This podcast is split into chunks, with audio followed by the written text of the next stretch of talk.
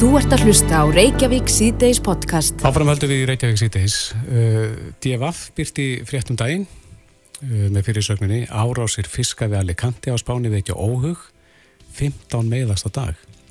Mm -hmm.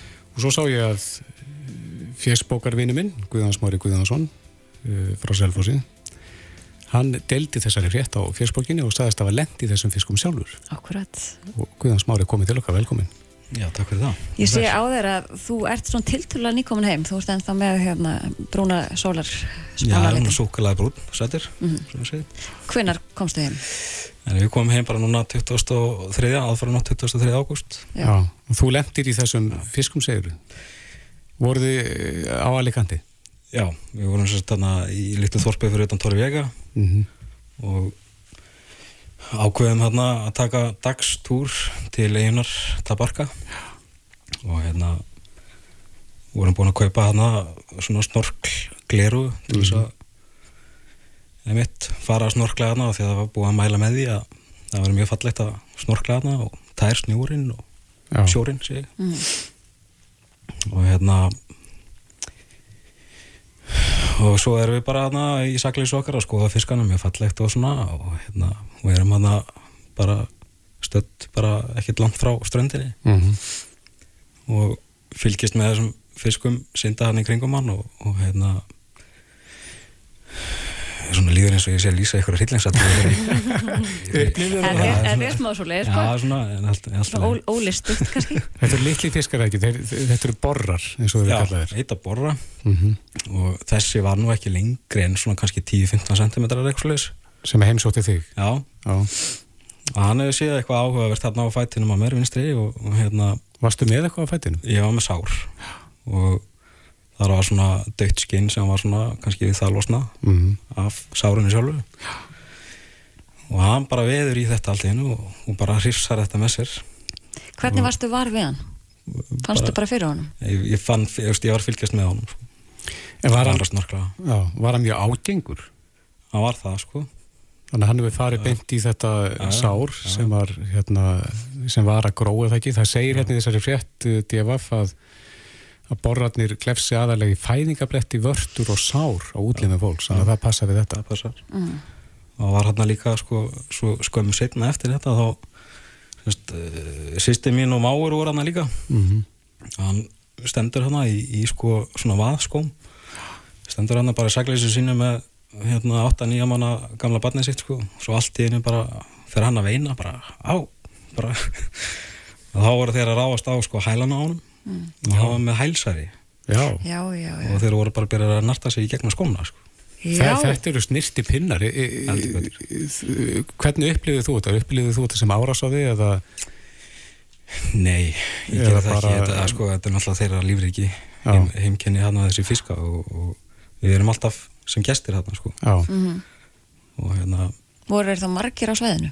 Já, já, þeir voru það sko en svo, svo sagði hann ekki búinn sko ég var hérna með hérna yngstu dóttur minni og vorum að búin að vera að fylgjast með þeim í lengri tíma og, og tökum svo ákvarðin um að fara að synda aftur upp á strandinni mm -hmm.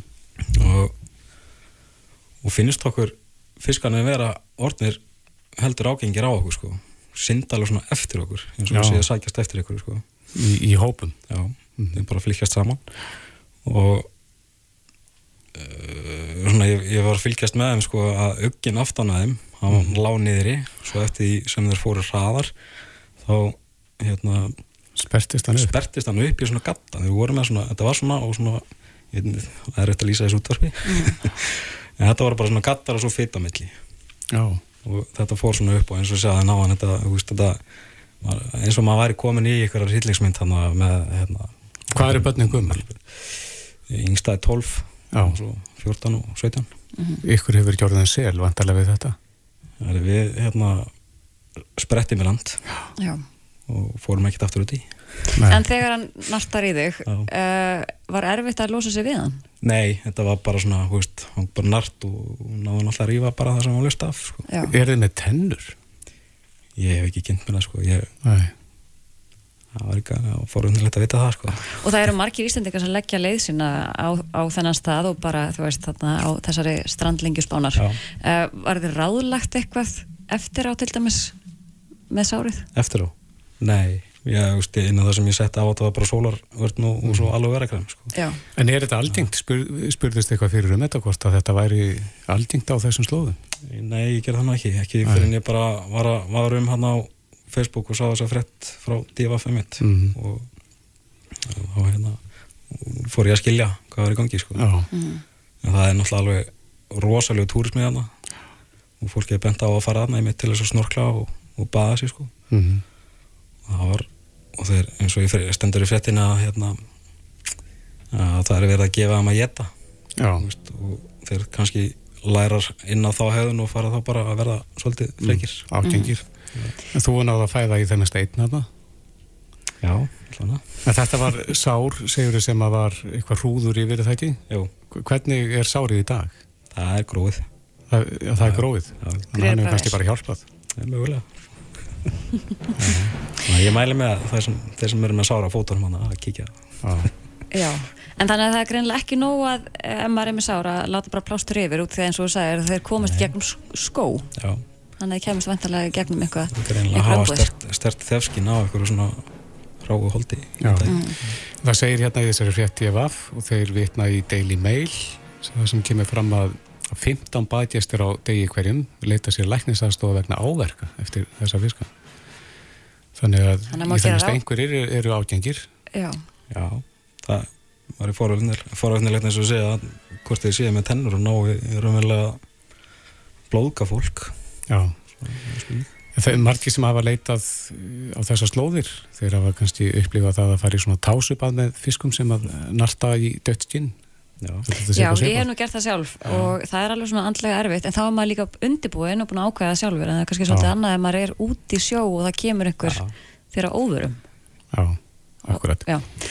En gaman að þessu, Guðjón Smári þú komst heil heim, kæra þátti fyrir komin og segja okkur þessu sögu. Takk fyrir mig Þú ert að hlusta á Reykjavík C-Days podcast. Jæja, Reykjavík C-Days heldur áfram. Þegar klukkan er réttum 25 minúti gengin í 5. Við erum mikið rætt um kvalviðar upp á síkastið mm -hmm. og uh, vantilega komast stjórnvöld til með að endur skoða framtíð kvalviða. Já. Núna á komandi þingi.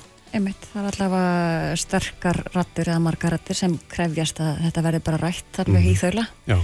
á réttum, kannski réttum stað Einmitt, en e, nokkar Hollywood stjórnir sendu okkur tónin um daginn og hóttuðu því að neyta að koma hinga til að vinna mm. og eftir það þá e, heyrðist hljóðurhóttni frá fólki sem er vinnu við kvikmyndaðinaðin hér á Íslandi Já, og þeir byggluður henni til Lilju Dagar Alfredsdóttur Eh, menningar og viðskiptamálar á þeirra að, að grípi taumana. Einmitt. Hún er einmitt komin ynga til okkar, Lilja, menningar og viðskiptar á þeirra. Verður sæl blessuð. Sæl blessuð. Já, hvað segir um þessa beðni fólks í kvikmynda einaðinum að, að Íslendikar hætti kvalviðum og það verið hlustað á þessa stjórnur? Já, nú er það auðvitað svo að, að þetta er ákvörðun matvælar á þeirra. Kvalviðar heyra ekki undir menningar og, og viðskiptar á þeirra, heldur undir matvælar á þeirra. En kvikmyndaðina, hann heyrir svolítið undir þig. Já, en, en nú er það svo að, að hérna, samtöku íslenska kvikmyndagerðamanna mm -hmm. beina þessari áskonum sinni til matvælar á þeirra. Svo ég bara hérna, hafi þá hrein. Það er ekki, er ekki ég sem get ekki ákvörun um þessa kvalviðar. Hins vegar er það svo og það er alveg e, hárrétt hjá ykkur og skiptir mjög mjög máli að við erum búin að vera í mjög umfangsmikilli vinnu síðustu ár að ebla skapandi greinar á Íslandi. Og við settum á laginnar undir e, á síðasta kjörtímabili þegar ég var menta á menningamálar á þeirra þá mótuðu kvikmyndastefnu e, í fyrsta sinn til ásins 2030 og aðgerði til þess að ebla kvikmynda yðnaðin á Íslandi. Mm -hmm. og við fórum í mjög umfangsmiklar aðgerðir til að mynda við jökum endugreðslunar fyrir starri verkefni. Og þá erum við sannig segja að þessi yðnaður, hann er farin að velta í kringum 25 jápil meira miljörðum á ári og það eru 1400 manns sem hafa verið starfandi á þessu ári í kvikmynda yðnaði. Er þá ástæð til að hlusta á þessi hljóð sem að koma á þessu horni þá núna? Það er auðvitað þannig að, að eh, stjórnmálamenn, eh, þeir hlusta alltaf. Þú ert auðvitað alltaf að meta stöðun á hverju minnsta degi sagt, varðandi veist, réttar ákvæmna sem hefur verið að taka og annað slíkt og það sem við sjáum og ég hef auðvitað bæði verið í samtölum við e, líkil kvikmyndaframleðendur bæði hérlendis og, og erlendis að, að þá skiptir nummer 1, 2 og 3 að, að umhverfið sé samkefnshæft, það er að segja að við sem að bjóða upp á aðstæður þar sem kvikmyndagerða fólkið og þeir sem eru að vinna í geirónum að, að þetta sé mikið fagfólk og við höfum það í fyrsta lagi, í öðru lagi þá höfum við e, semst erum við með endugreislukerfi sem hefur auðvitað aukið velduna gríðarlega og erum samkeppnishæfi núna við Skotland og Írland og þessar staði. Og svo í þriðalagi sem er að við höfum auðvitað hérna náttúru sem kvikmyndaframleðendur eru að, að sækjast eftir. Svo vegur það auðvitað upp á móti þessum áskorunum sem hafa verið að koma úr einanum og það er bara mjög erfitt að segja til um það hvaða áhrif það hefur. Ég er hins vegar á því að, að það séu þetta svo að þú lítur á, bara þú lítur ef ég svona tek okkur aðeins nokkur ár aftur í tíman eða kannski rúmlega 100, 130 ár að það voru kvalviðar hér bara mjög mikilvæðar og þetta voru Það höfðu mikil áhrif á, á alla fjármaksmyndun og, og framfarir sagt, voru, það var þannig að ef ég manns að sögur rétt að þá voru, þetta, voru það fyrst normin sem fóru að veiða kvali hér um Íslandsstrendur og, og svo hefur þetta þróast. Og, en við erum þetta komin í miklu fjölbreyttara hagkerfi, við bara lítum á útflutningstekjur okkar að í stað þess að vera í kringum, í kringum 1990 þá var þetta um 90% af öllum gjaldir í stekjum þjóðabúsins þær komu í gegnum sjáurútug staðan er allt önnur í dag. Núna er þetta í kringum 25% e, í kringum 5-6% kemur í gegnum skapandi greinar. E, ferðamanna hérna ferðaþjónustan hún er að koma með 35% og svo e, orku fyrir ekkur einnaður e, í kringum 30% Þetta er svona, ég ætla bara, svo einhver farir nú ekki alveg að leggja þetta saman, ég er svona bara að fara, fara yfir þetta, bara hvernig hagkerfið okkar hefur breyst. Mm -hmm. og þannig að að kvalveið að skipa auðvitað ekki jafn stóran sess í hagkerfi dagsins í dag mm -hmm. eða mögulega til framtíðar. Hins vegar ber auðvitað að, að alltaf að huga að því að það er sjálfsákvöruna réttur þjóða og Íslendingurinn er nú þannig að ef hann, ef hann finnst mjög mikið að er þrengt annar stað frá þá á hann til í að fara í einhvern allt annan gýr. En ég legg hins vegar alltaf bara mesta áherslu á það að við förum í þetta hagsmunamat, hvar eru stóru hagsmunir og tökum ákvörðun út frá því hvað er best fyrir íslenska þjóðarbúið. Hvað sýnist þér í því? Nú, sem sagt, eins og uh, mun matvælar á þeirra, eins og ég skilir þetta, að þá sagt, rennur þetta leifi út eftir, eftir þrjá mánu eða svo og mér finnst mjög líklegt að þetta komi til umræðu á alþingi og það sem maður gerur þetta núna það er auðvitað bara að fara yfir stöðuna og ég ætla að leifa mér að, að hérna... Hefur þú ekki skoðin á málunum? Ég, jú, jú, ég, ég, minna, eh, ég ætla samt að hérna leiða mig það, Kristófer, og að fara yfir þetta mjög gömgefilega út frá þessu hagsmunamati og er ekki tilbúin til þess að Að, að, að gefa upp á afstöðu fyrir að ég er bara búin að fara í þá nöðsulu greiningavinnu sem ég tel að skipti máli og hvaða e, afleggingar e, áframhaldandi kvalveðar hafa á e, líkil atvinnugreinar. En ég get alveg sagt að til að mynda eins og í mínu flokki og þá eru, það eru mjög skipta skoðanir, ég menna sumt af okkur unga fólki er ekki, er ekki hlind þessu meðan margir eru hlindir þannig að er, þetta er þannig mál og því þekki það eru frá þessum konunum sem þau hafa verið með að það eru deildar meiningar um framtíð kvalveiða en svo hvað er ekki 30 ár síðan að Bubi söng hérna sitt lag? Ég ætla nú ekki að að já þannig að, þannig að bara eins og þið sjáuð að, að, hérna, að þetta er þetta er þetta, er, þetta hefur þetta langa svona kvalviðar hefur hafa þetta svona langa þetta er lung saga og þetta lunga líka normin komið og svona en, en eins og segi þingi mun ræða þetta þegar hérna núna síðar í vetur og ég ætla bara að leifa mér að, að nýta, nýta mig það að, að skoða máli betur áður en að kemur til þess að það fari inn í hérna, máli fari inn í þing. Já, uh, aðeins aftur að þarna kvikmyndageiranum og þetta eru miklu fjármunni sem koma þar inn. Veldur þetta allt á fáum en stórum, stórum aðlum eða er þetta bara uh, margir eins og þetta eru, þetta er listið af einhverjum, mann ekki 15 kannski aðlum sem segast ekki alltaf komið til landsins? Hvernig er skiptingin? Það sem skiptir auðvitað bara greiðlega miklu máli er að við erum hérna e, sagt, e, okkar líkil framlegendur hafa verið að þróa mjög sterk sambund út í bæði ekki bara í Hollywood, heldur bara mjög víða.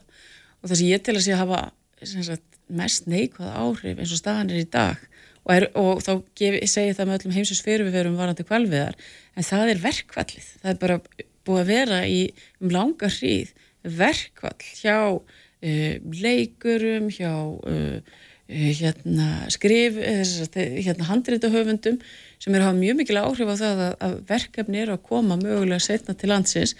Þannig ef þið spyrjum mig sem ráð þeirra þá hef ég hérna, kvikmynda, þá hef ég áhugjur af því en það er heldur ekkert Erum við farin að finna fyrir áhrifunum nú þegar? Já, mér skilst að það sé, það sé, það sé dráttur á verkefnum sem voru fyrirhugуð sem tengjast því þessu verkvalli og það er alltaf það sem ég heyri frá kvikmyndaframleðendum hér á landi og hafa nefnt það. En hins vegar er það bara alltaf þannig. Það mikilvægasta sem Ísland hefur er auðvitað orðspórið mm. og það er gaman frá því að segja að við til dæmis það er, þetta orðspór er, er mælt. Það heitir, ersast, það kallast, svo kallað hérna, NPS skor og Ísland sem áfanga staður uh, skorar þar, á, þetta eru 82 stygg og sem þykir með því allra, allra hæsta bara mm -hmm. til samaburðar þá er vörumerkið Apple með þannig er ekki 70 stegum mm -hmm. þessi í kringu 50 þannig að við erum með uh, höfum notið þess talsveit lengi að, að það Íslandi er mjög eftirsoknaverður áfangastæður Telur orðsporið í hættu ef við höldum kvalviðum áfram? Við höfum auðvitað verið að veiða kval og, hérna, og það er engin nýjung og við höfum samt verið með þetta háa skor og þegar við skoðum til að myndu og þetta kemur fram í skýslu sem matvælar á þeirra lit gera fyrir sig að þegar við skoðum í raun og veru bæðið kvalveiðar og komu ferðamanna að þá verist, þá verist það ekki hafa áhrif. Hafandi sagt þetta engu og síður að þá eru við, uh, það er ekki marga þjóðir í dag sem, sem stundu þessa veiðar. Og það er alltaf, það eru, uh, fólk deilir um, um framtíð, framtíð þeirra. En eins og ég segi og hefur þetta sagt áður að þetta er mál sem verður auðvitað rætt betur inn á alþingi og við þurfum auðvitað bara að vega á metastöðuna þegar við sjáum aðeins betur inn, inn í þetta. Mm -hmm. En maður lítur líka að hafa áhyggjur þegar svona stórir aðla sem hafa marga, marga fylgjendur á samfélagsmiðlum, margar, margar, margar miljónir, það, þessi bóðskapi breyðist þá út og vekur aðtekli á það, því sem við erum að gera og því sem fólki kannski hérna úti finnst svona ekki í lagi og þá vantarlega hefur það meiri áhrif á orðspor Íslands. Já, ég minna nú, sagt, við auðvitað bara þurfum að meta það þegar mm. að því kemur og sjá hvaða áhrif, áhrif þetta hefur og það er auðvitað alltaf ljóst að ef einhverjur eru ekki sammála stefni stjórnvalda hvort að segja í þessu eða einhverju öðru að þá hérna, er það áskorun og við þurfum að mæta henni og ég minna eitt af því sem við skoðum auðvitað mjög vel til að mynda í mínu ráðuniti, það er auðvitað bara allt þetta rekstra umhverfi okkar greina en staðan er hins vegar svo að við höfum verið að búa e, þannig um hnútana að rekstra umhverju skapandi greina líka í nýsköpun og annar staðar er feikilega gott og við erum til að mynda bara svo ég nefni það að við erum það ríki sem er farið að setja sko, mest í rannsóknar og þróun og erum mjög, með mjög góðan stuðning á, á þessu sviði líka og það sem hefur að gerast er að fjöldi nýra starfa og áhugaverða starfa, mm. starfa hafa verið að koma inn í þessa geira og sem mér finnst alveg skipta mjög mjög mjög máli sem sem hérna hagfræði mentaður einstaklingur að við séum með fjölbreytt atunlíf. Já, mm. Af því tímið flýgur, við ætlum að fara eins yfir í hittmálið uh, úr viðskiptalífinu, það sem er svona mest ábendið þessa dagana, það er reyði viðskiptalífsins varandi aðflutning á vörum til landsins og samar á stýpafélagana. Og menn kall eftir einhvern svörum um framtíðina, hvernig þessum uh, flutningum til landsins til og frá landinu verið hátta í framtíðinni. Hvaða skoðun hefur á því? Það er talað um að að eh, stipafélagin láti af svona þessar einokun sinni við hafnilansins Já, ég meina þetta er þetta er, þetta, þetta er feikilega mikilvægt mál bara upp á sagt, bæði viðskiptaseðferði og viðskipta hætti. Það er mikil reyði Já, já og, ég, og hérna og það, ég, ég heyri það og við, sem sagt, það sem, það sem við, þessi stjórnvöld geta gert og það sem fyrirtækinn geta gert að ég á mjög erfitt með að tjá mig um þetta einstakka mála því að það er að fara fyrir áfríðun og nefnd og, og hérna ég sem ráð þeirra samkjöndsmála geta ekki sagt, rætt sérstaklega þetta mál. En það sem ég geti svo að rætt og vil endilega koma bara á framfæri er að það þarf að auka samkeppni í fluttningum og hvernig er hægt að gera það?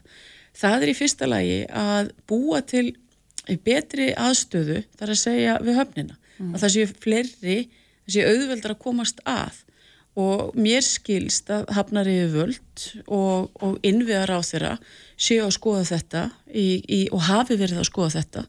Og þetta er gríðalega mikilvægt bara upp á það að ný fyrirtæki geti komið inn á markaðan Í öðru lagi e, skipta landflutningar, af því að landflutningar eru þetta samkjöfn við sjóflutninga. Mm -hmm. að, að, að, þetta eru sumið fyrirtæki sem var áðan já, en, en að nákvæmlega að það sé þá líka auðvelt að komast inn í og auðvelda nýjum aðilum að komast inn í landflutninga.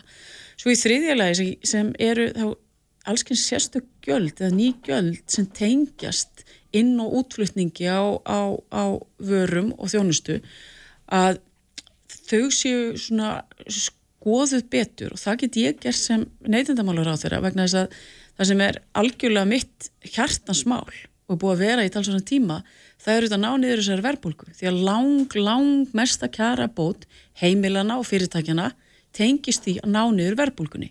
Er þá eitthvað þarna í sagt, kostnaði við inn- og útflutning sem er að valda því að hann er dýrari en hann þyrst að vera. Og ég hef bent á það að að e, krónan hefur verið að styrkjast. Og hún er búin að styrkjast um, ég held um 10% frá lagsta punkti.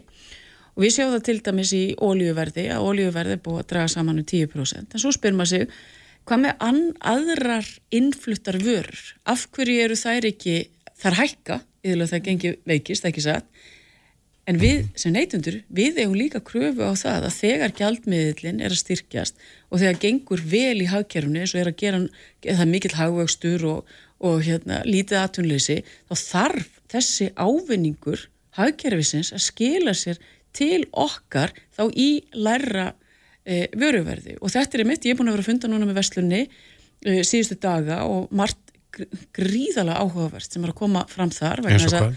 Já, til að mynda framleiðinni í vestlun hún er ekki mikil, hún er meiri annars þar, hún er meiri til að mynda hjá byrgjum og það er mm. eitthvað sem er svona viðfangsefnið.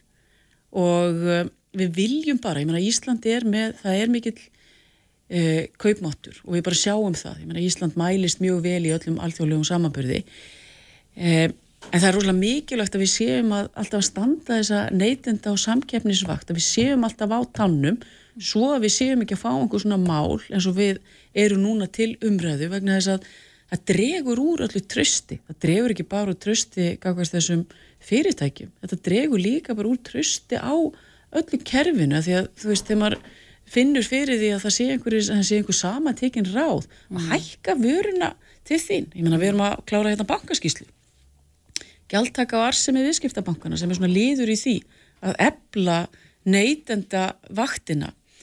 Að við sjáum það að álægið sem er sett á hérna greiðslukortafæslunar okkar er bara mjög mikið. Mm. -hmm.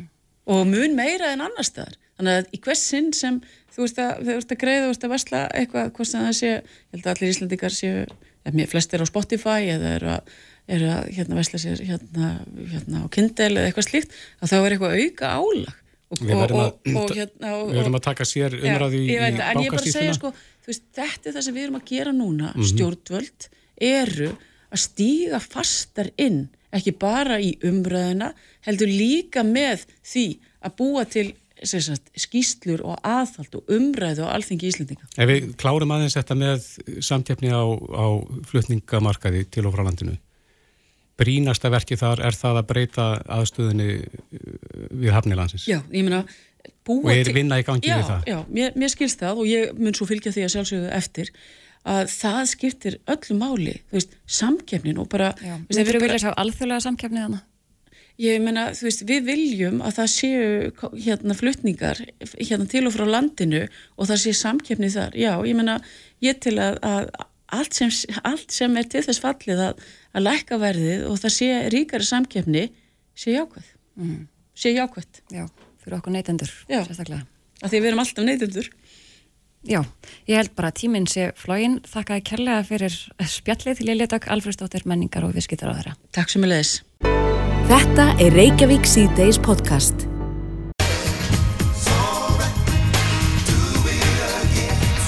Já, hún var nokkuð sláandi fréttin sem að byrtist inn á vísi.is og uh, á bylgjunni í morgun. Það sem að segir að einstaklingum sem að greinst hafa með krabba minn áður en þeir verða 50 ára fjölgaði um 79% á árunum 1990 til 2019 en döðsfjöllum af völdum krabbamins fjölgaði um 27% í umrættum aldurshópi og þetta eru sláandi tölur. Þetta eru mjög sláandi tölur og þetta er alveg, þetta eru neðustöðu vísendamanna sem sett mm -hmm. við háskólan í Edinborg og nú veit ég ekki alveg hvort ég ber þetta vel og rétt fram. Chey Yang, háskólans School of Medicine í Hangzhou í Kína. Mm -hmm og uh, já, emitt, rannsóknin tók til gagna frá 204 ríkum Já. Og við hefum verið að ræða þetta bara í mínum vinahóp. Núna eh, við erum svona millið 30 og 40 mm -hmm. og við hefum verið að ræða emitt að við finnum fyrir mikill fjölgun á krafmins tilfellum á fólki í kringum okkur á þessum aldri. Akkurat sem er eitthvað gott, Laufey Tryggvadóttir faraldsfræðingur hjá Krabbaminsvílæginu er einmitt stödd á ráðstefnu um Krabbaminn í Finnlandi, kom til sæl Já, konti sæl. Ja, hvaða ráðstefna er þetta á núna? Þetta er ráðstefna uh, norrætna krabbaminn skráa. Það er að segja þessum við skráum krabbaminn á Norrlöndunum og vinnum síðan vísindaransóknir byggðar á þeim og, og við erum svona, það er mikið samvinna og Þetta er bæði verið að segja hér frá skimum fyrir krabbaveinum og, og frá alls konar nýjungum í skráningu og gæðaskráningu sem er mjög mikilvægt eins og þið sjáu á þessum tölum sem þið voru að tala um. Svo mikilvægt að fylgjast náðu með hvað já, er að gerast og, og já, svo er svona... Er, er verið að ræða þessar hluti þar þess að aukningu í þessum aldursópum á þessari ástöfnu og ykkar á meðal? Já, við höfum aðeins verið að ræða þetta sko, það kom grein í, í fyrra í Nature sem var líka sína fram á svona eitthvað svipað ekki með alveg sömu tölum og þetta er náttúrulega mjög mísjönd eftir löndum og ólík hvaða krabbamein er í aukningu en við höfum til dæmis síðan aukningu á, á ristil endaharskrabbameini á Norðurlöndunum mm. hjá ungu fólki emitt sko. Svo það er það sem hefur kannski tekið svona vakið mest aðtökli hjá okkur. Er það krabbamein lífstílstengt? Númer 1, 2 og 3? Já, Já, það, það, er, það er náttúrulega líka sko argengt mm. og það þarf náttúrulega að passa upp á það líka og ef það er einhver ætt að þá endilega að fara og far, ég fari erðarákjöf til þess að landsbyttalan með þetta fari erðarákjöf en, en það er lífstil tengt upp og það er svona talað um raukt kjött, áfengi og fleira getur auki áhættin á þessu sko. Það er svolítið verið að horfa ofþing líka. Já, og þú segir á Norðurlöndunum áta líka við um Ísland? Já sko við höfum aðeins kíkt á það, er náttúrulega alltaf svolítið litlar tölur hjá okkur, mm -hmm. það er alltaf erfitt að vita hvað eru tilhjálfnarsjöfur en við fylgjum mjög mikið Norðurlöndunum þannig að já ég held ég með að segja að við ætlum að það er fara betur honni seiman á þessu þegar við komum heim á rástöpunni og skoða þetta ennþá betur og hvort við sjáum þetta í fleiri krabbamenni. Já. En þessa tölur sem við nefnum og eru nefndar í þessari frétt, 80% rétt um það bil aukning, Þetta eru vantilega tölur á heimsvísu? Já, það er á heimsvísu og ég veit ekki að ég er ekki búin að ná í sjálfa greininni, ég sá bara útdraftin úr henni, þannig veit, veit ekki alveg á hverju, sko, hvað, hvernig, hvort þetta er byggt á krabbaminskrám eða einhverju líkan að gera, svo ég fór ekki alveg að tjá mig akkurat um þessar tölur, Nei. en það er allavega aukningi gangi, það er, það er vitað og öruglega allt er mísjönd eftir landu. Sko. En, en er þessu aukning meiri á hverjum ákveðnum svæðum heldur en öðrum? Já, það er öruglega sko í aftur að því að ég er bara á ráðstöfnum og er ekki búin að skoða þetta, við erum ekki búin að vera neitt að kafa onni þetta, hún var bara að byrja í dag sko, mm -hmm. þannig að ég get ekki sagt en, alveg mikið meira um þetta á þessu stíi sko. Nei, en við munum til dæmis kíkja svolítið á íslensku og norrænu töluna þegar við komum heim, við erum með norræna gagnakun þar sem all kappa meira norðvöndunum eru skráð alveg frá ykringu 1950 og hvernig hefur breyst með tímanum. Og svolítið flottur og góðu gagnagrunur þar sem er ekkert mála að fletta upp í og reynda að geta allir færð inn í hann, hann er ofinn á netinu mm -hmm. og við munum svolítið stúdera þetta svona í róliheitunum eftir helgi. Já, ég sé hérna í frettin að það segir að fjölgunin var einna mest í Norður Ameríku, Eija Alfu og Vestur Evrópu. Já, það er nefnilega það sko. Já. Og hérna, við, já, það er eitthvað slemt sambandi þetta Erstu þarna þá leiði? Bara svo við höfum náðu sambandi við geimin eitthvað út í geimi er við verðum greinlega bara að slá á þráðan aftur og átökkorti. Ertu aðnaði? Nei, við verðum sláðum vist sambandi þennan, þannig að við bara... Skellum við ekki bara að lægi á og reynum? Eitt lag og svo reynum við aftur. aftur. Jæja, við vinnast þér að koma inn aftur í sambandi Helsingi. Já, Það er lögvið Tryggvadóttir, faraldsfræðingur hjá Grabamiðsvílæni, kom til sæl. Já, sæl. Þú ert á röldi, er það ekki um Helsingi? Jú, við erum röldi. En við vorum að ræða þessa frétt, já, við vorum að ræða þessa frétt sem að byrtist í morgun sem að sínir að já. Eh, tilfellum krabbameina hefur fjölgað um, um réttum 80% hjá fólki undir 50 sem eru alvarleg tíðindi. Já, svona heimsvís og nú er bara næst að við skoðum þetta svolítið betur hjá okkur á Íslandi og á Norðurlöndunum og, og bara aðtú hvaða krabba meina þetta eru. Og þá er náttúrulega bara næst að huga þá að forvörnum gegn þeim Og svo er náttúrulega heilt að við vitum að þó að áhættan sé ekki aukast þá er líka að fjölga tilfellin bara af því að Íslandingum er að fjölga og eldra fólki er að fjölga þannig að helbriðskerfið þarf að vera undirbúið undir að taka við þessu öllu saman. Já. Og það er ábyggileg ekki í dag en það er eitthvað sem við viljum vekja aðtegla á og hefur verið að gera hjá Karminsjölaðin. Heldur að Íslandingar er í langt í land með að, að undirbúa sér nægilega?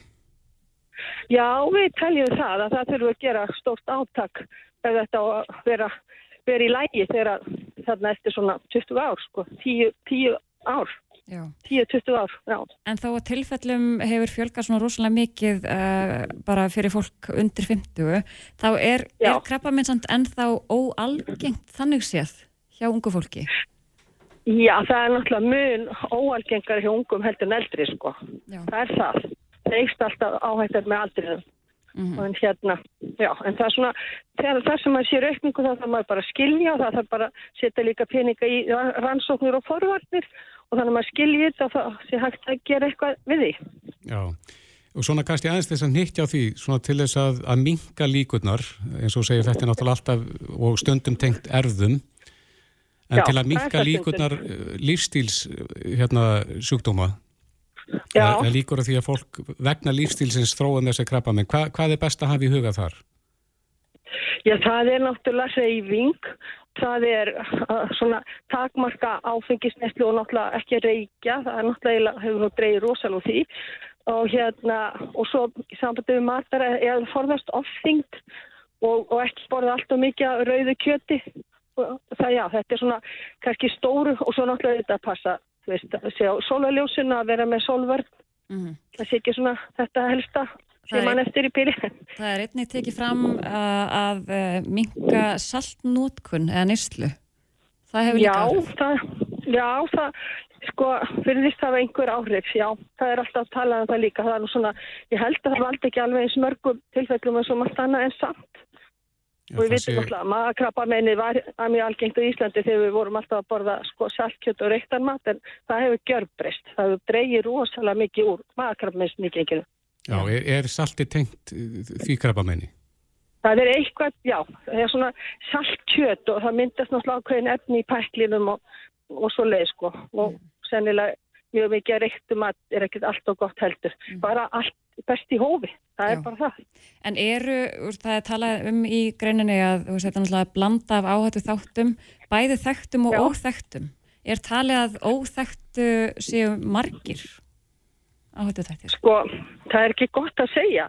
Um, það er náttúrulega mjög að tala um ekki þessari nature grein sem ég er að vísi sem kom í fyrra að það þurfi bara að rannsaka stóra hópa fólki alveg frá, frá bara að barsaldri eða úlísárum og veist, það, kannski með taka lífsíni og skoða svo, og, og fram á við veist, lífsætti og lífsíni og skoða síðan eftir einhver tíma krabba með sníkengi en það er náttúrulega rannsókn sem taka svolítið langan tíma sko. Mm -hmm. Það er verið að tala meðal hans og það er aðeins nefnd örbylgjuf, neða hérna örveruflóran í, hérna þú veist, í rislinum. Já. Það er, það er svona, ta talað um að það gæti eitthvað haft að segja líka. Og það er svona einsar hugmyndir. Já, þróun á, á hérna upplýsingum um þarmaflórun að flegið fram. Já, og það er, hún hefur breyst bara vegna breyts mataræðis og það er verið að skoða það mikið sko. Mm. Já. En ég heyri það að framöndan eh, hjá þér, svona sem eh, hérna, faraldsfræðingi hjá Krabbaminsfélaginu, þá er að skoða þessa tölur uh, hjá þessum hópi ungs fólks hér á Íslandi, Já. svona með tilliti til Já. þessar upplýsinga. já, höllum bara strax í næstu viku að kíkja vel á það og líka á, yfir Norðurlöndin því við erum enn það bara kaknakur Norðurna sko. Þannig að það er þá næsta skref. Já, þá bara uh, heyru við í þér fljótlega. Laufey Tryggvadóttir, faraldsfræðingur hjá Krafninsfélaginu. Bestu þakki fyrir spjallið og góðar kveðjur til Finnlands. Takk fyrir kella. Takk og bless.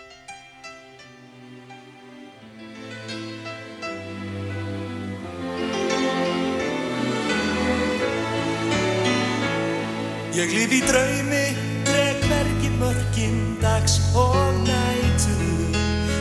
Svibla staðins ósjálfrátt.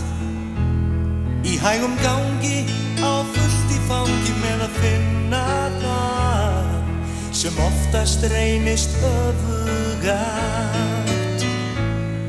Það er líkt og ég sé laus úr öllum viðjum Lettur ringsólandi á vegi miðjum. Ég lif í draumi,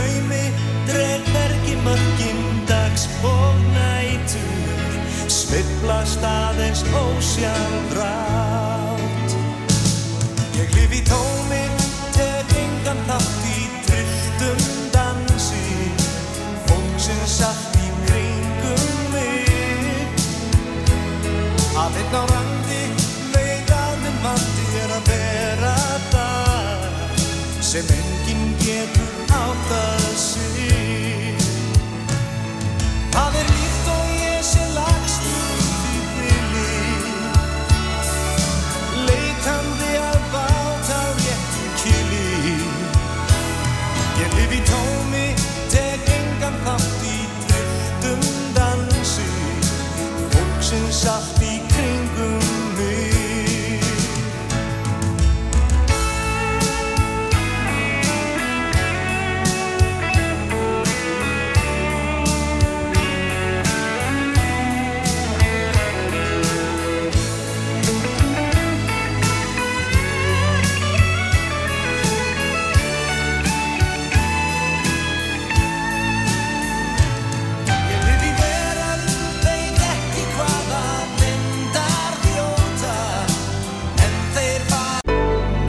er Reykjavík C-Days podcast. Jæja, Reykjavík C-Days heldur áfram. Lörglann er alltaf svolítið framalegi fréttum. Það er margt að gera sem að tengist stórum lörglunar. Já, algjörlega. Og sérstaklega núna í þessari viku tengt uh, mótmælanum uh, gegn kvalveðum. Já.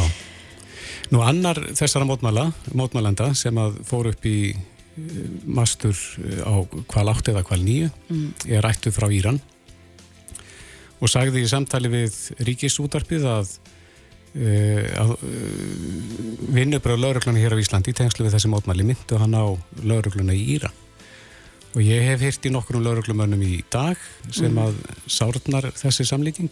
Þessi verið að lítja íslensku lauruglunni við lauruglunni í Íran. Já. sem að taka hansi hart á mótmælendum þar. Já, emitt, manni finnst þetta svolítið stór orð uh, en maður þekki nú, maður heyri bara sögur og hérna fréttir frá Íran en þekkir kannski ekki af einskinni hvernig hún, hún er. Nei, Fjölnir Sæmundsson formadur landsambands lauruglumann er á línni, kom til sæl? Já, við heyrim í lauruglufólki sem að stendur ekki alveg að saman þessa samlíkingu. Hefur þú heyrt í einhverjum sárum lauruglumannum eftir þessu umræðu? Nei, sko, satt best að segja þá fór þessi umræðinu bara algjörlega fram hjá mér þannig til núna síðdeis og, mm -hmm. og, og ég hef nú ekki heyrt í neinum lauruglumanni sem sárnar þetta eitthvað sérstaklega, sko, ég rætti um mér þess að við lauruglumann sem komin að þessum aðgerðum og, og almennt er lauruglan, sko, þeir lauruglumann mjög ánæður með þessu aðgerðir, finnst þér að veit miklu meðalhófi og þeir hafa tekist mjög vel og samskipti við þessum mótmælendur hafi verið, hafi verið góð. En, já, en hvernig var þér við uh, þegar þú heyrðir að þessu, þessar samlíkingu? Já, ég var nú svolítið hissa sko, en, en ég get nú ekki sagt ég takk þetta nærði mér þetta er eitthvað svo fárannig samlíking sko, hana, ég rætti við svona lauruglumenn og, og þeir séðast nú bara svo sem við rýmsum vanir og, og, og ekki taka þetta nærði sér en það en það er nú ekki vissum að Íran hefði nokkur fengið að vera svona svona lengi upp í, í turni á, á skipi þannig að ég held að þetta segir svona sjálft sko mm -hmm. Þetta er eitthvað bara... til, fjölnir, þetta er eitthvað til lauruglunar í Íran?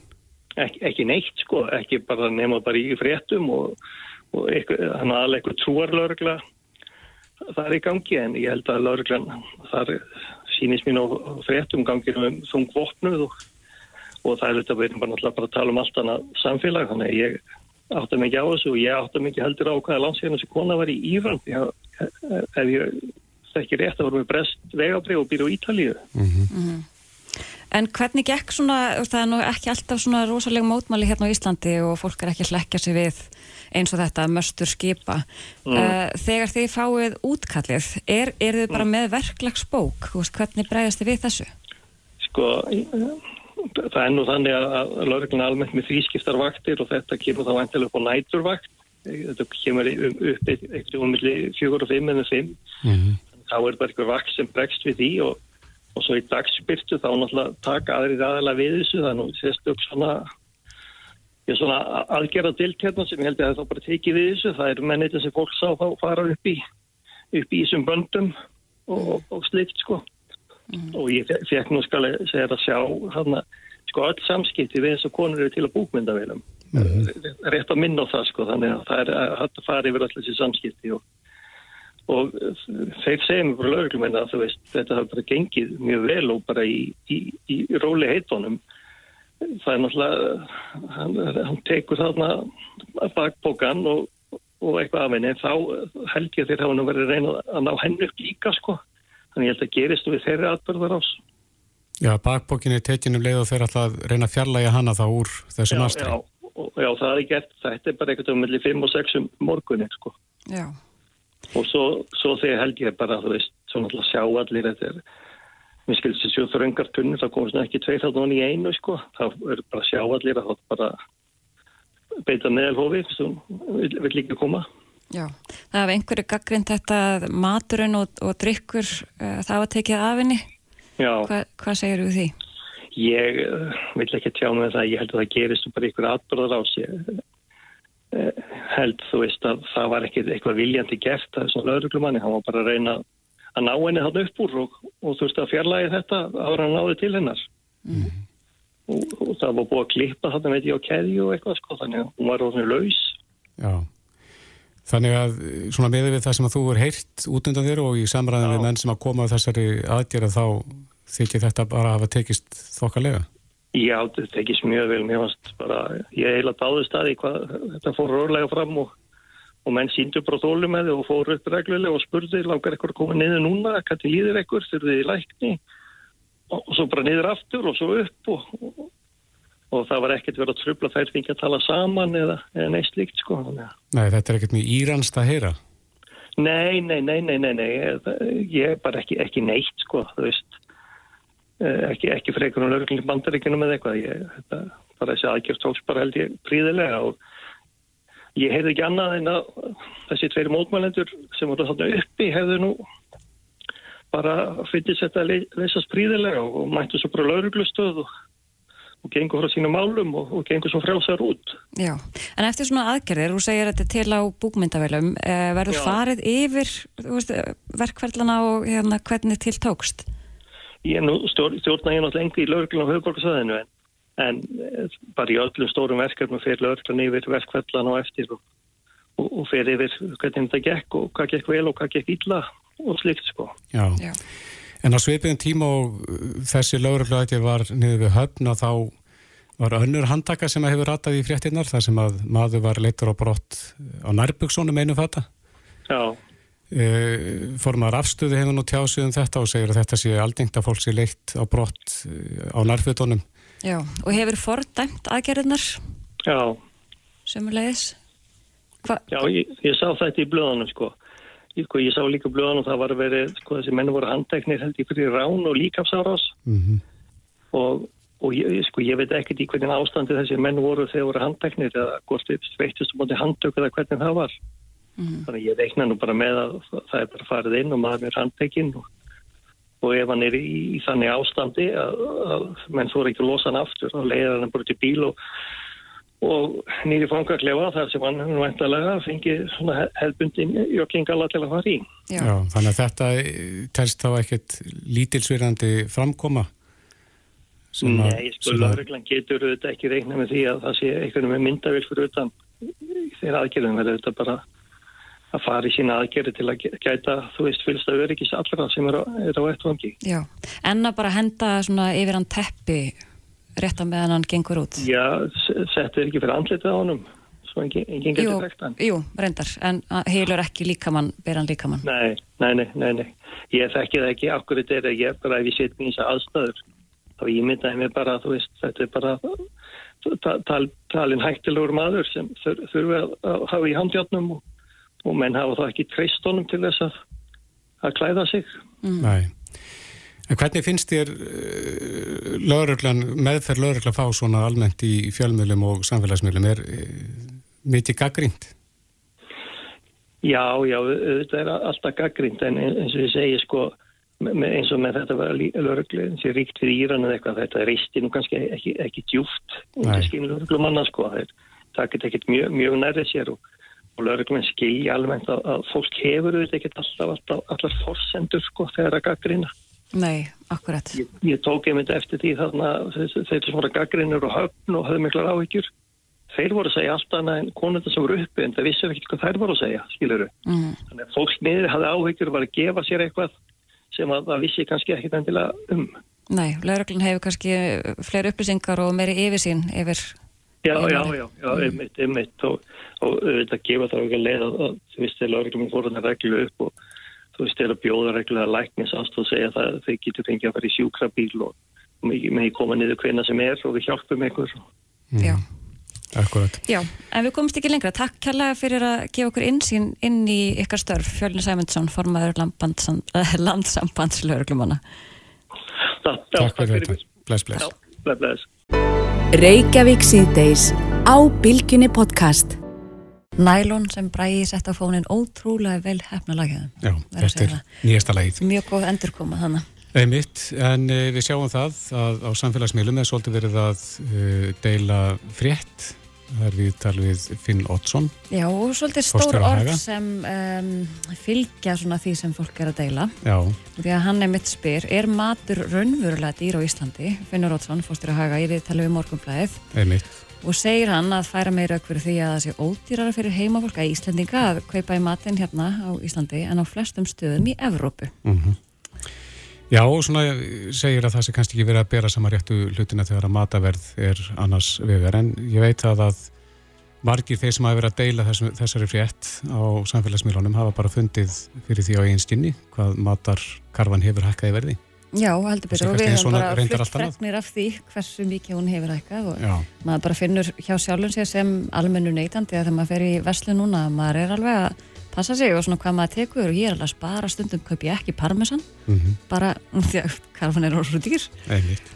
Ásteldi Lóa Þórstóttir eh, formadur Hagsmunna samtaka heimilina og þinguna Flokks Fólksins er komið til okkar, velkomin. Takk fyrir.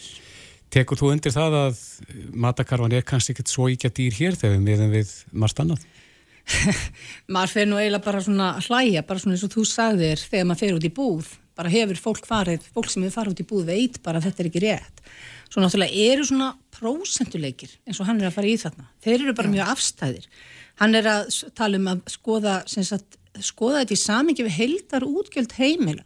Heldar útgjöld heimila hafa vaksið alveg gríðarlega á Íslandi núna á undarförnu hvað einu og hálfu tveimur árum, mm. alveg gríðarlega Þannig að þannig er bara, ef hann ætlar að miða við það, þá hefur hann svakalegt svigrum til, vaksta, til hérna vöruhækkana. Já, hann segir þessu viðtali að, að uh, útgjöld heimilana vegnar matarvers mm -hmm. séu 13% útgjöldana sem er lægra hlutall en mm -hmm. meðaltal um 30 eurubulanda. Já.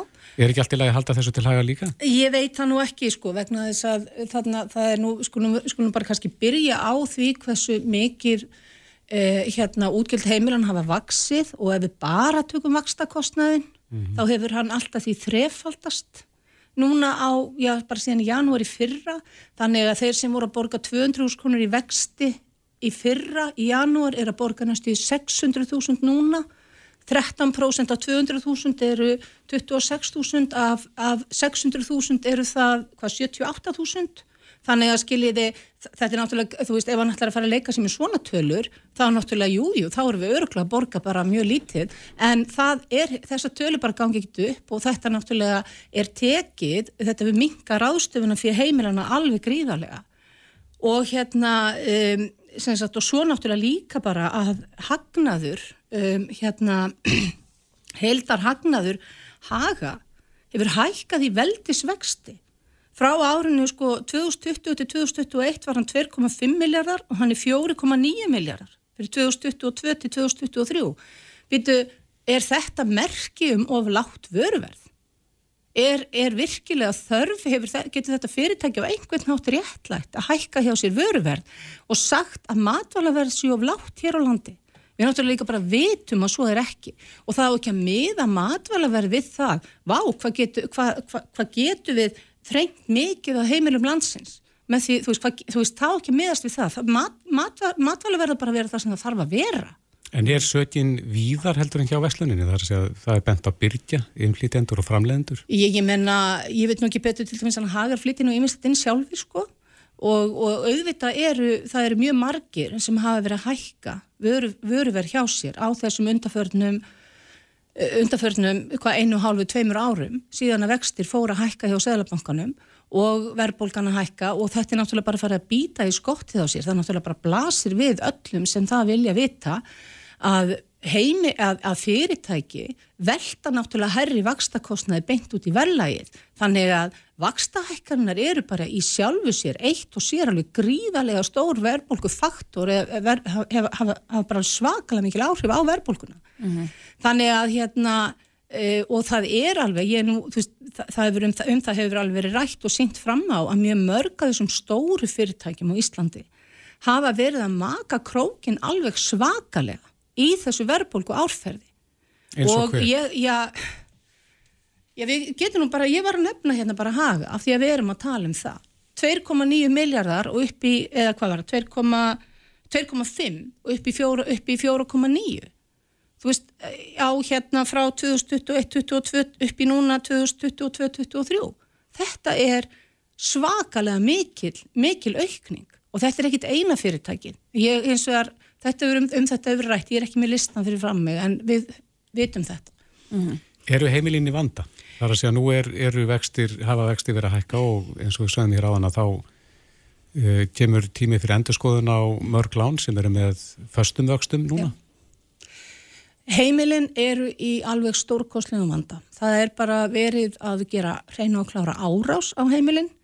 Uh, það er enginn sem verðu og hérna uh, þetta er eiginlega bara svona eins og að standa með bissu við gagnið og segja peningana eða lífi vegna þess að þau, þau er engan kost. Mm þau er aldrei kost, það er aldrei neitt, þau verður bara að borga það sem einhver setur fram og núna erum við að horfa á að til dæmis ef ég tek bara dæmi að vakstabyrði á 50 miljón krónu láni, bara vakstabyrðin sem tekið var á 4% vöxtum snemma á síðasta ári var um 167.000 krónur vextinnir. Ok, í dag á 10,75% vöxtum er um 448.000 Þetta, þetta er, er. Þetta já, þetta er næstum því þreföldun, nákvæmlega 2,7 földun og, og hérna það er náttúrulega gefur auga leið að venjulegt heimili, heimili með meðaltekjur, alls ekki með meðaltekjur og undir og jafnvel heimili sem er bara vel yfir meðaltekjum, ræður ekkit við svona. Kanski í einni eða tvo mánuði en ekki mánuð eftir mánuð eftir mánuð eftir mánuð. Og svoleiðis er þetta búið að vera. Og þó að þetta myndi fara að lækka núna segjum að sem að bara Guð, gef, bara, bara Guð gefi að verði að það byrja að lækka vextir næst að þá hérna þá, veist, þá er samt eftir að vinda ofan af þessu öllu sem að líka á eftir að taka greiðarlega mikinn tíma. Þannig að þú veist það sem að heimilin það, það, veist, þetta bara blasir við, heimilin ráð ekkert við þetta. Og það sem að þau er að gera núna því að fjármálraður er rosalega hrifin að því að benda á að vanskil hafi aldrei verið minni, það er að þau eru að retta sér fyrir hot með skuldbreytingu. Þau sem hafa veðrými og standast á annar borð greiðsluma til þess er að auka við skuldir sínar til þess að borga niður skuldir. Og svo eru allir, allir þeir sem er að fara yfir í verð til lán sem að náttúrulega upplifa fyrstum sinn alveg gríðarlegan létti. Mm. en það mun koma alveg hræðilega niður á þeim vegna þess að eftir til dæmis bara 5 ári er 50 miljón krónur lán sem tekir í dag orðið 65 miljónir og þá er uh, hérna uh, sem sagt afborgun á því með minnum hún síðan kring 360-70 þúsund og svo fyrir hún bara hækkandi þá getur hún endar í 1,9 miljónum. Já, Þannig að þú veist, þetta er bara það sem við erum að horfa á að sé að gerast og uh, það er kannski engin að lenda í, hvað við segja, alvarlegum vanskilum í dag af því að fólk er ennþá að geta skiptið yfir en eftir, ég veit ekki, það, það svona, ég upplifi þetta bara það bara að vera að setja út trollið og eftir svona 5, 6, 8 ár þá verður bara dreyið inn. Af því að þá hefur fólk, þú veist, þá er þetta skjól fókið og það getur ekki skipt tilbaka. Af því að það stendst ekki greiðslumat fyrir því að skipta tilbaka. Þú veist, þetta er aðstæð, aðstæðina sem við erum að horfa á núna. Og þetta eru tilbúinur aðstæður, þetta er eitthvað sem þarna bara Sæðlabankin í skjóli ríkistjórnarinnar er bara reynlega búa til. Og þetta þarf ekki að vera svona. Það er ekki verið svona, segir þau, hvað Nei. þarf að gera til að bara rétta þetta við? Já, bara í fyrsta lega hætti að hækka vexti. Þú veist, það er bara, skilur þú veist, hættið að hækka vexti. Er það nóg? Að sjálfsögðu, ég menna, sko, þú veist, það, það, það er ekkert verið gert til þess að að hérna minka peningamagni umferð það eru, það eru alls konar það eru alls konar aðgerir, ég menna ef að sko algengasta ástæðan sem að ég fæ, eða spurningin sem að ég fæ þegar ég segi það er að hætta að hækka, að hækka, að ég ekki að hækka vexti svona, þá er það hvað annað á að gera Býtu, er það, það er bara spurning? versta ástæði sem til er fyrir að gera þetta það er bara svona eins og læknar á miðöldun sem dróðu bara blóðfangu til að drápi sjúklingin það er bara það sem er að gerast núna af því að ég veist ekki hvað annað er þetta að gera hvað er allir þessi sérfræðingar að gera nýri sælabanka og í fjármálraðunetinu og allstaðar ef að þeir hafa engar aðrar hugmyndir heldur en að ráðast með heimilónum með þessum hætti mm. hvað, hvað eru þeir að gera? Annað, veist, ef, ef, veist, tölva geti gert þetta. Þarf ekki alltaf þessi sérfræðingar mm. til þess. Ef að þetta er það eina. Já, það stýttist í að þing komið saman. Mm -hmm. verður þetta stóra málið þegar að þing kemur saman, það er að staða heimilana Þetta er náttúrulega alltaf stóra málið hjá mér. Það hefur ekki verið jafn stórt hjá eiginlega bara neinum öðrum en, en mér og flokki fólksins. Um, en já, þetta er stóra málið. Þetta er það sem ég mun berjast í og, og við í flokki fólksins bara núna algjörlega eins og við mögulega getum.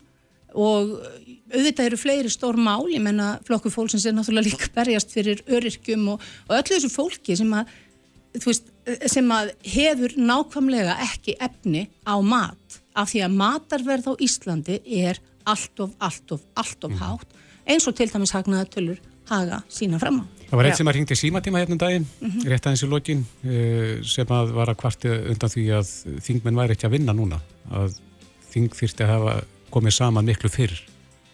Já. Vegna ástandsins. Ég, ég menna, sko, ég myndi segja að þetta að þetta ástand og árásum gegn heimilunum og allt þetta, það er ástæði til þess að kalla þing saman. Uh, ætti að vera það, þetta ætti að vera algjörlega það er bara neyðar ástand en nei, það, ég get ekki séð að það sé nokkur vilji til þess að kalla þing saman út af því vegna þess að það er bara algjör afneitun í gangi. Af því að, eins og fjármálar ráð þeirra svo ánæði með að segja staða heimiluna hefur aldrei verið betri það bara blasir við að það er ekki rétt Mm, já, við komumst í miður ekki lengra þessu sinni. Uh, höldum að sjálfsögðu umræðinni áfram um þessi mál. Ástildur Lóa Þorstóttir, formar Hagsmunum samtaka heimilina. Takk fyrir komin. Takk fyrir mig. Hlustaðu hvena sem er á Reykjavík C-Days podcast. Já, klukkan uh, er þá nýjmyndur yfir sex og við mhm. höldum hér áfram í Reykjavík C-Days eitthvað aðeins áfram. Já. Og til okkar í stúdjó uh, er komin eitt skemmtilegasti viðmarandi dagsins, segja nú án þess að velja móðkanett hérna sem hefur komið á undan. Einmitt. En hann er fjórfættur og heitir Lotta. Mm -hmm. Og ásamt Lottu er Sara Kristín Olrich Vætt, hundathjálfari hjá Betri hundum sem margir kannast nú við og hafa farið á námskið hjá. Sælu, værtu velkomin. Hæ, takk fyrir. Gaman að sjá okkur báðar. Takk fyrir það sem leiðis. Uh, okkur dætti huga að heyra í þér það sem er komið haust mm. og uh, núna var sér, uh, fyrsta haustlæðin hérna sem gekk yfir og við erum all hundaeigundur hérna inni og fengum alveg, við vorum dreyin út í út í veðrið sem er líka betra að verð sem er resandi bara Já. og hérna bætir lífið Já. en svo eru margir sem hugsaði með hva, hvernig á ég að fara að núna veist þegar læðina verða fleiri og það kemur snjór og svona Hvernig getur við leist uh, um orgu hunda á annan hátt? Það er náttúrulega endalust aðferðum til þess að hjálpa hundunum að slaka á og gera alls konar skemmtilegu hluti án þess að einmitt þurfa að fara í tækjartíma fjallgöngu í snjóbil. Um, það sem við erum svona fremst í hvað var, það varðar er nosework sem er leitar íþrótt fyrir hunda. Þetta er byggt á fíknefnuleit og sprengjuleit. Já. Þannig að þetta er rosa svona cool íþrótt uh, en þefið hjá hundum, þetta hægir á hjarsláttin hjá þeim.